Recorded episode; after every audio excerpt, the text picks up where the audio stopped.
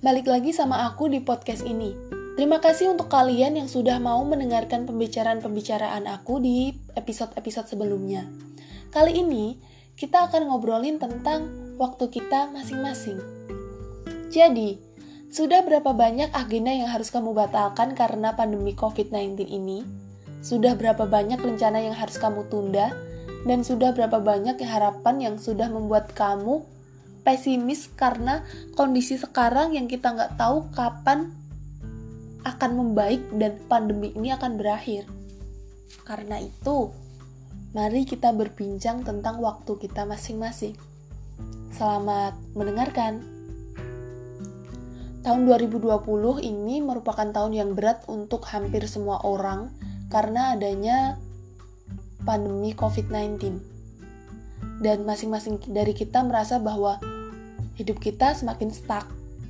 Impian kita semakin jauh. Rencana-rencana kita berantakan. Kita merasa bahwa semesta tak pernah berpihak kepada kita. Kita merasa harapan kita justru melangkah semakin jauh.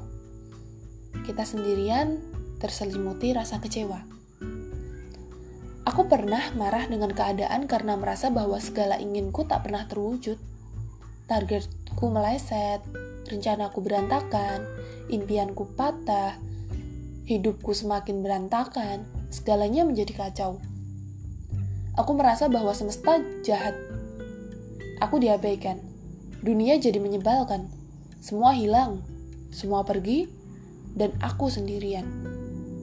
Banyak keadaan datang tak sesuai harapanku.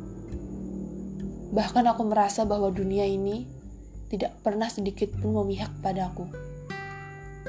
Semua bertambah buruk ketika aku tahu bahwa orang-orang terlihat selalu mendapatkan apa yang mereka inginkan. Aku melihat bahwa teman-temanku bisa meraih mimpi mereka, mereka masuk sekolah favorit, kuliah di universitas impian, masuk jurusan sesuai passion dan minat mereka, lulus tepat waktu, direkrut perusahaan besar, bertemu pasangan yang tepat, berlibur ke tempat-tempat indah, menikmati kopi dan senja, bertunangan dengan begitu romantisnya, dan aku.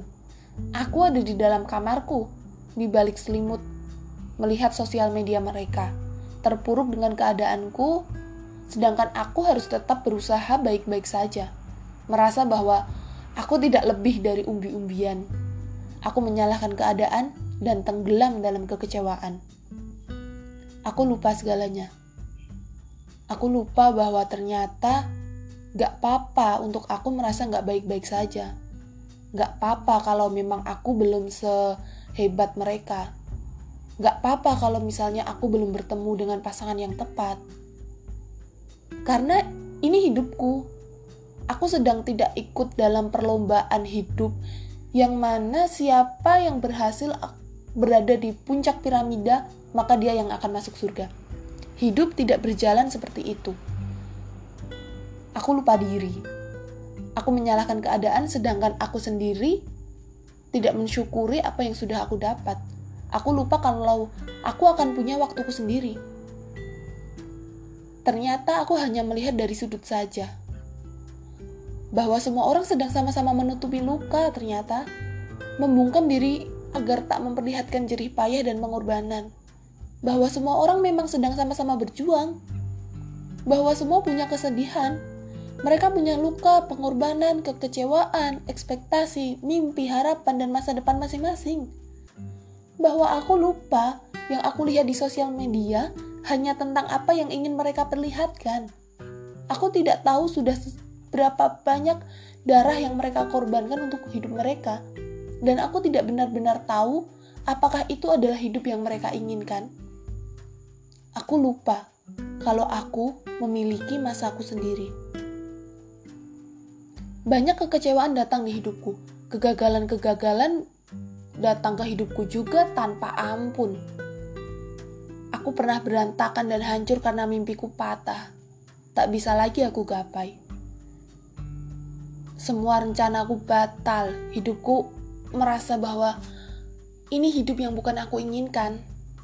Semua tak kunjung sesuai harapanku. Bahkan ketika aku sudah menerima keadaan, ada-ada saja yang datang.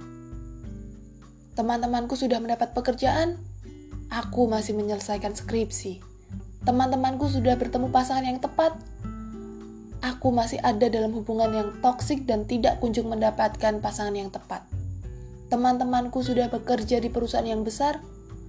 Aku baru saja lulus dan mengalami banyak penolakan dari perusahaan. Kecewa? Lucu sekali pertanyaannya. Ya tentu saja kecewa. Ini baru secuil kisah yang pernah aku lewati.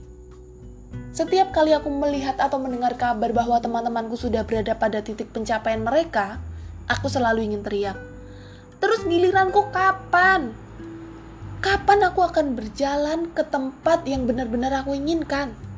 Aku tidak ingin hanya berdiri di tempat ini dan menunggu bahwa semua akan berpihak padaku. Kapan aku punya hidup yang aku inginkan? Melihat mereka berhasil di jalan mereka, bertemu pasangan yang tepat, mendapat banyak pujian dari sekitar, sedangkan aku seakan hanya jalan di tempat dan tertekan karena komentar orang-orang sekitar. Kamu kapan lulus? Kapan kerja? Masa udah udah sarjana belum belum belum dapat kerja. Kerja di mana? Ih kok cuma jadi itu sih? Katanya sarjana. Kamu kapan nikah? Oh iya pacar aja kan kamu nggak punya ya. Buruan gih cari pasangan. Hati-hati nanti makin tua makin susah hamil. Jangan pilih-pilih kamu nggak terlalu cantik. Cih! Sabar satu persatu ada waktunya masing-masing. Aku tahu, hampir semua orang melewati fase ini. Semua kebingungan dengan masa depan, merasa tidak berkembang, merasa bahwa semesta tidak pernah berpihak, sedangkan orang-orang sedang dengan bangganya menyingsing masa depan yang menyilaukan. Kalau kamu sedang merasakannya, kamu pasti bisa melewati ini semua. Kamu tidak sendirian. Kamu akan punya waktumu sendiri dengan jalan hidup yang tepat untuk kamu. Percayalah bahwa ini proses. Percayalah bahwa memang Tuhan sedang menyiapkan hal baik di depan sana untuk kamu. Kamu pernah dengar pepatah yang bilang, "Semakin sulit jalanmu, semakin indah tujuan akhirmu." Atau pepatah yang ini, "Hal yang indah tidak bisa didapat dengan mudah." Kamu sedang di tempat Tuhan agar menjadi manusia yang pantas untuk hal yang sedang kamu perjuangkan. Dan ketika nanti kamu telah sampai pada satu pencapaian, kamu akan sadar bahwa proses itu nikmat sekali. Ternyata Tuhan lebih tahu dari kamu. Ternyata Tuhan lebih tahu segalanya yang pantas dan yang baik untuk kamu.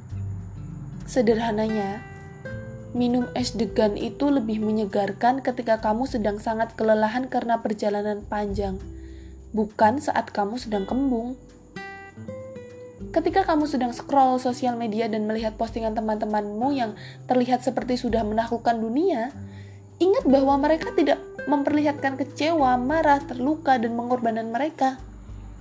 Ketika kamu bertemu teman-temanmu yang terlihat lebih sukses dari kamu, Ingat bahwa kamu tidak benar-benar tahu apa yang saja yang sudah mereka korbankan untuk ada di titik ini.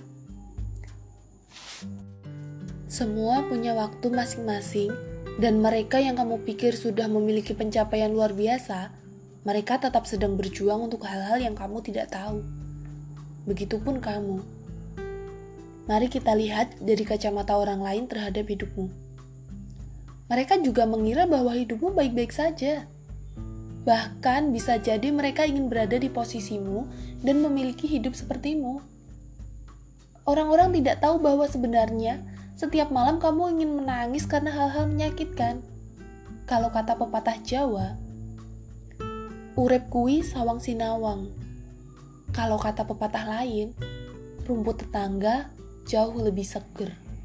Padahal kamu punya kebun hal, kebun luas yang bisa kamu tanami buah-buahan segar, terus pas panen bisa kamu jual, uangnya buat beli kopi sambil lihat senja. Poinnya adalah, kamu sedang ditempa proses untuk menjadi kuat. Tuhan ingin melihat seberapa tangguhnya kamu agar kamu pantas mendapatkan apa yang kamu inginkan.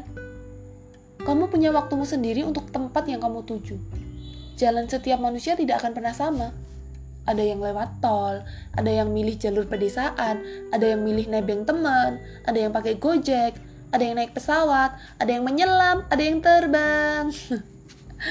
Jangan khawatir, kamu akan tetap sampai. Karena itu, kadang kamu perlu mendetok diri dari sosial media. Tutup telinga dari komentar-komentar yang tidak membangun. Filter lingkungan-lingkungan kamu dan jauhi lingkungan-lingkungan yang toksik. Mengenal lebih jauh tentang diri kamu sendiri dan sadar bahwa kamu yang memiliki kontrol atas hidupmu, bukan tetangga atau teman-temanmu. Ciptakan bahagiamu sendiri, apresiasi prosesmu. Tidak apa kalau kamu merasa sedih, artinya kamu masih punya perasaan. Tuhan sedang menyiapkan tempat yang baik untuk kamu. Jadi, kalau waktumu belum datang, apa yang harus kamu lakukan sekarang? Terus berjuang, terus melangkah untuk sampai pada tempat yang kamu inginkan. Langkah-langkah kecil itu lebih baik daripada berdiam diri. Kamu stuck, explore diri kamu. Apa yang bisa kamu berikan untuk hidupmu dan untuk semesta? Sukses itu tidak terlalu tentang gaji yang maksud aku, sukses tidak selalu tentang gaji yang besar. Kaya tidak selalu tentang mobil mewah, Bahagia tidak selalu tentang menjadi istri dari seorang pengusaha sukses yang romantis. Impian tidak harus selalu tentang piramida tertinggi dari standar society. Kalau kata manusia favoritku di muka bumi ini, Zawin Nur Ikram, kaya adalah ketika kemampuan kamu melebihi keinginan kamu. Dan tidak semua hal di dunia ini tentang uang dan puncak piramida strata sosial. Keinginan tidak selalu tentang hal-hal mewah dan mahal banyak hal yang bisa kamu jadikan suatu impian, keinginan. Sesederhana kamu ingin di 2020 ini kamu berhenti menggunakan plastik. Itu adalah suatu keinginan yang bisa disebut impian.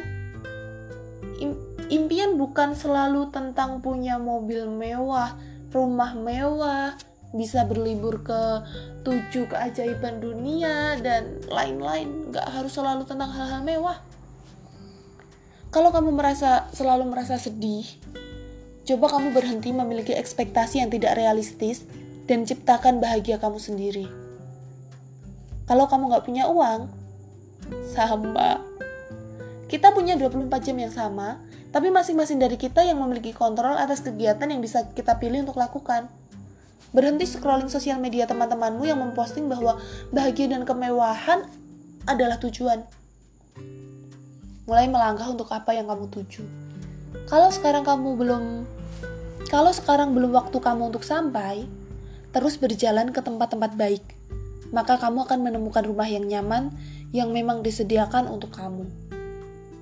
Sekarang memang belum waktu kamu. Gak apa-apa. Kamu gak dosa. Kamu belum mendapat pekerjaan, tapi kamu terus melakukan kegiatan yang bermanfaat, itu artinya kamu bukan pengangguran. Kamu adalah manusia yang manusiawi yang bisa menebarkan kebaikan dan manfaat bagi sesama. Kalau kamu belum lulus, tapi kamu memiliki kegiatan-kegiatan yang positif dan bermanfaat, ya nggak apa-apa, nikmati aja. Kalau kamu belum menemukan pasangan yang tepat, nggak masalah juga. Kamu bisa lebih mengenal diri kamu dan tahu pasangan seperti apa yang cocok untuk kamu gak perlu melihat mereka yang selalu terlihat bahagia dan hidup bergelimang harta. Karena kita nggak tahu apa itu hidup yang sudah benar-benar mereka inginkan dan apa yang sebenarnya mereka alami. Karena sekali lagi ini hidupmu. Jalani hidupmu dan jadikan mereka sebagai acuan. Bukan saingan bahwa kamu harus melebihi mereka. Karena kamu gak akan pernah benar-benar mengenal hidup mereka. See you.